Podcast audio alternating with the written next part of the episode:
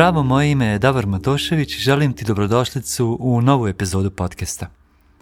Kako put kojim trenutno idem priča o zaljubljivanju u disciplinu, želim ovaj put da spomenemo kakve veze ima zajednica, to jest drugi ljudi na našem putu kada je riječ o disciplini.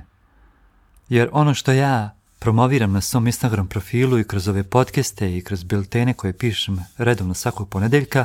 je da počnemo, to jest naučimo kako prakticirati samodisciplinu kao izraz ljubavi prema sebi, no međutim, postoji tu još jedna stvar, a to je da, bez obzira koliko mi samodisciplinirani bili i koliko je to važno, činjenica je da nas je neko u nekom momentu našeg života inspirirao da krenemo tim putem. Nije se to desilo tek onako ni od Došlo, palo s neba, mi sjedili u tišini, negdje sami, izdvojeni, meditirali ili molili se deset dana i jedan put nam došla u glavi misao postaniti samo discipliniran, to je to. Ne, nego je Bog kroz druge ljude nama poslao poruku koja je prednost toga kada si discipliniran i kada iz te duboke ljubavi prema sebi, iz tog dubokog prihvatanja sebe, ti prigrliš samo disciplinu i kreneš je primjenjivati na svaki segment svog života od partnerskih odnosa do odnosa sa drugim ljudima, od obećanja koju daješ sam sebi i drugim ljudima, zatim to unosiš i u svoj privatni posao i sve to nekako svu tu disciplinu povezuje jedna stvar, a to je da a to je da si na početku imao priliku da budeš u društvu ljudi koji su ti pokazali kroz primjer njihove samodiscipline, to jest discipline da je moguće ostvariti nešto što sebi zatrtaš u glavi, nešto što osjećaš kao svoju dubinsku želju, kao istinsku želju. I sada ovdje dolazimo na temu Kakve veze zajednica ima sa tvojom disciplinom? Evo sad ću ti odmah reći da ne okolišamo. Ti, iz početka, kako sam ti rekao, čuo si nekoga, slušao si neki podcast, bio si u društvu samodisciplinirane osobe, vidio si koliko je to dobro djelovalo na njen život i sad ti želiš to da počneš primjenjivati. Iz početka te hvatate, derete ta motivacija, držite ta nekakva inspiracija koju su dobio te osobe i krećeš i ti raditi neke akcije, uvodiš neke dobre navike u svoj život, uvodiš, uvodiš, uvodiš, pratiš neko vrijeme tu osobu, možda i dalje jer te jako motivira, pratiš njene savjete, slušaš, primjenjuješ na svoj život i u jednom momentu najčešće što ono što mi radimo je da ne možemo da održimo korak sa tom osobom jer ta osoba često na mnogo većem nivou nego što smo mi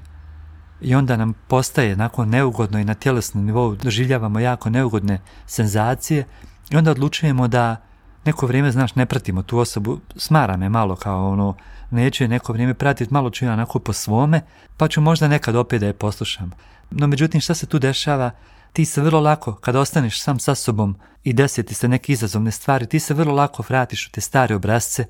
zaboraviš sve to što si, na što si bio inspiriran. Vraćaš se, znači, ponovo u stare obrazce, ponovo kontaš, ma hajde nema veze, ne moram prakcirati ovu disciplinu, inako je bila smor, i onako je naporna, stalno mi je neugodno, stalno moram da se preispitujem, da se pitam, da sumnjam, da ovo, da ono. No međutim, zaboravljaš jednu stvar, a to je da ta prvobitna želja koju se dobio, to da ti sam postaneš discipliniran, je glas tvoje duše i ona ti govori da je ta želja s razlogom tu i da je trebaš pratiti neko vrijeme, a ne samo par dana, dva, tri dana i da očekuješ neka čuda. Sva čuda se dešavaju nakon dužeg vremenskog perioda trebaš da uložiš energiju i vrijeme u nešto da bi vidio neke konkretne rezultate. Jer samo ćeš posvećenim radom moći proći kroz ta razna neugodna stanja, osjetiti razne prednosti bavljenja time što se baviš i tek ćeš onda nekad kasnije shvatiti mm, ovo ima smisla, ovo nema smisla, ovoga želim da radim više, ovoga želim da radim manje, uglavnom iskristalizirat će se neke stvari koje ti sada iz početka kad te kreneš da radiš na nečemu nisu baš najjasnije. Ali ono što ovdje želim da ne zaboraviš je da trebaš biti okružen onim ljudima koji su isto disciplinirani, da bi te njihova energija, njihove priče, njihovi savjeti, njihovi primjeri motivirali i dalje. Jer ako želiš stalno da rasteš, ti stalno moraš biti okružen ljudima koji su na mnogo većem nivou od tebe. I to je ta zajednica o kojem ovdje govorim. Ti ne možeš sam biti discipliniran jer ti nisi došao sam na ovaj svijet nisi sam spoznao mnoge, mnoge stvari u svom životu, pa tako ne možeš i sam nastaviti da se baviš nečim tako često neugodnim kao što je samodisciplina. Jednostavno ti trebaju ljudi koji su također samodisciplinirani, koji su također dio nekih drugih zajednica i kada se tako okružiš takvim ljudima, vjeruj mi, cijela ta energija zajednica i kojima oni pripadaju će preći na tebe preko tih ljudi.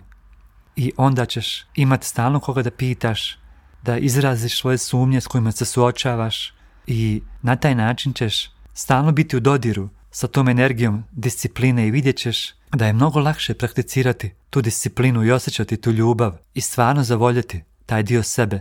kada si okružen ljudima koji također rade mnogo na sebi.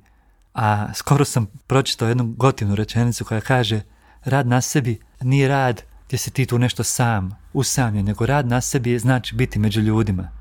jer ti radiš na sebi u kontaktu sa drugim ljudima, kroz njihove priče koje dijele, kroz njihove radionice, webinare, seminare, edukacije.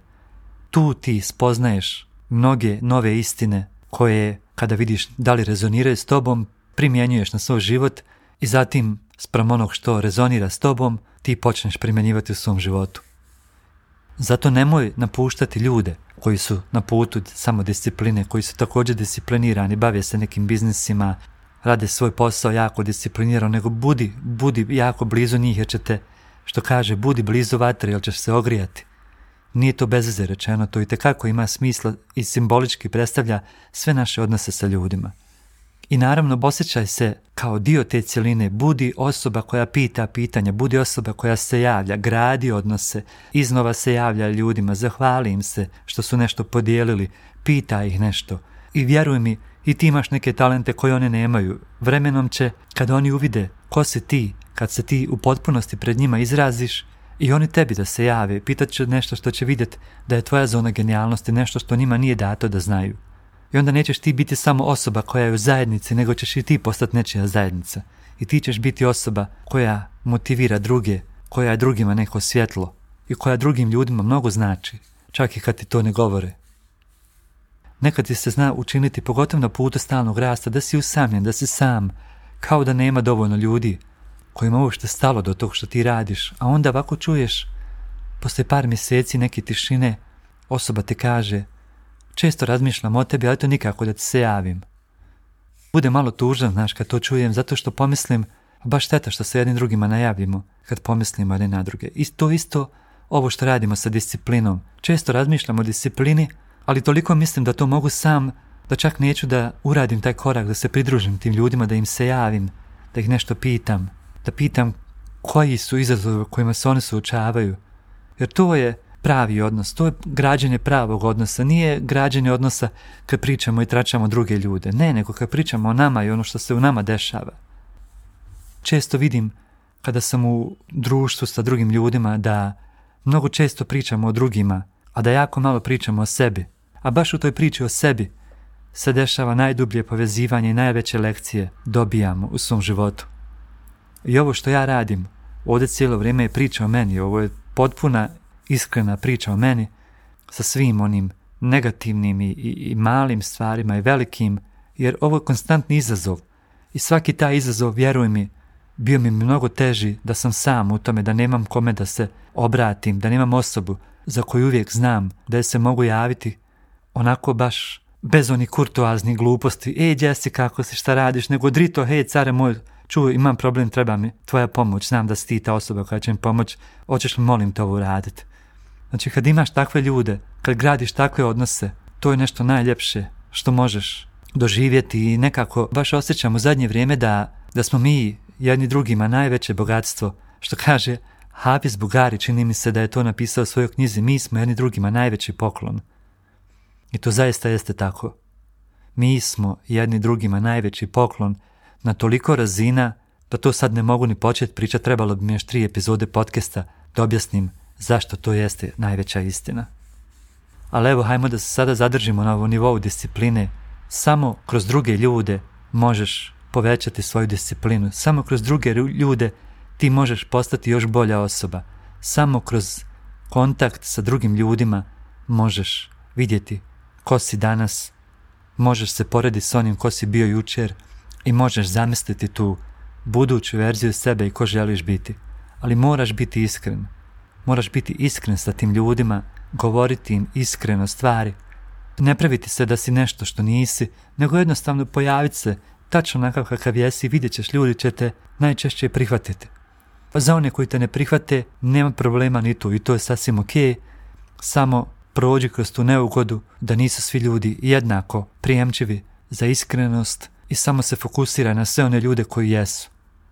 A kako moja želja nije da kroz ovaj biznis koji gradim pričam samo o disciplini, nego da posadim sjeme dobrote u svima, želim da ispričam jednu jako lijepu priču koju sam svjedočio neki dan kada sam krenuo po ramazanske lepine u pekaru Kabel ovdje na bulevaru u Tuzli gdje živim i desila se situacija da sam ušao u pekaru i bilo je poprilike desetak ljudi i sad stojao sam tu na redu čekajući svoj red za lepine, da kupim i ja te lepine i vidim ljudi su uzimali prije mene neke razne stvari, ne znam, ovaj uzima hljeb, ovaj uzima ovo ono, a usput uzmu i lepine, jer Ramazan jednostavno, ramazanske lepine imaju neki poseban ukus, to je nešto što mi ovdje stalno kupujemo. I sad desilo se čujem u jednom momentu kako neka žena uzima, ne znam, neki hljeb, uzima neku krofnu, uzima par lepina Govorio žena, ova na kasi, ok gospođo, to vam je toliko i toliko para, lepine su vam besplatne. I sad ono, ono stani, jel to vi častite? A ne, ne, ne, gospođo, ne častimo mi, nego neki dobri ljudi su jutros došli i uplatili su danas neku određenu svotu novca, tako da svi koji danas dođu dobiju lepine besplatno. Ja to kad sam čuo, tačno sam instinktivno počeo gledati reakcije ljudi i njihova lica – ne mogu vam opisati koji, nekakav oreol blagosti i iznenađenja i, i, i blage uznemirenosti, jer ne mogu da vjeruju da je neko njima nepoznat uradio nešto tako veliko za njih. I većinom su to bili stari ljudi kojima možda svaka ta marka znači mnogo. Sad zamisli koliko dobro djelo je ta neka osoba učinila nije ta dobrota bila ograničena ni brojem lepina, nego doslovno koliko si trebao, koliko, po koliko si došao u tom momentu, toliko su ti davali i ono, rekli hvala, doviđenja, vidimo se, ne morate ništa platiti. I hoću da kažem, zamisli koliko je lijepo tako živjeti, koliko je lijepo praviti takva djela i ne moraju biti to ove lepine, to je neki simbol koji možemo primijeniti na sve neke druge stvari u životu, koliko dobrog mi možemo zapravo jedni drugima da damo, i da napravimo ovu cijelu planetu mnogo ljepšom nego što ona zaista jeste. Isto ovo što je ova osoba ili osobe uradila ili su uradile u pekari, mi možemo raditi i jedni među drugima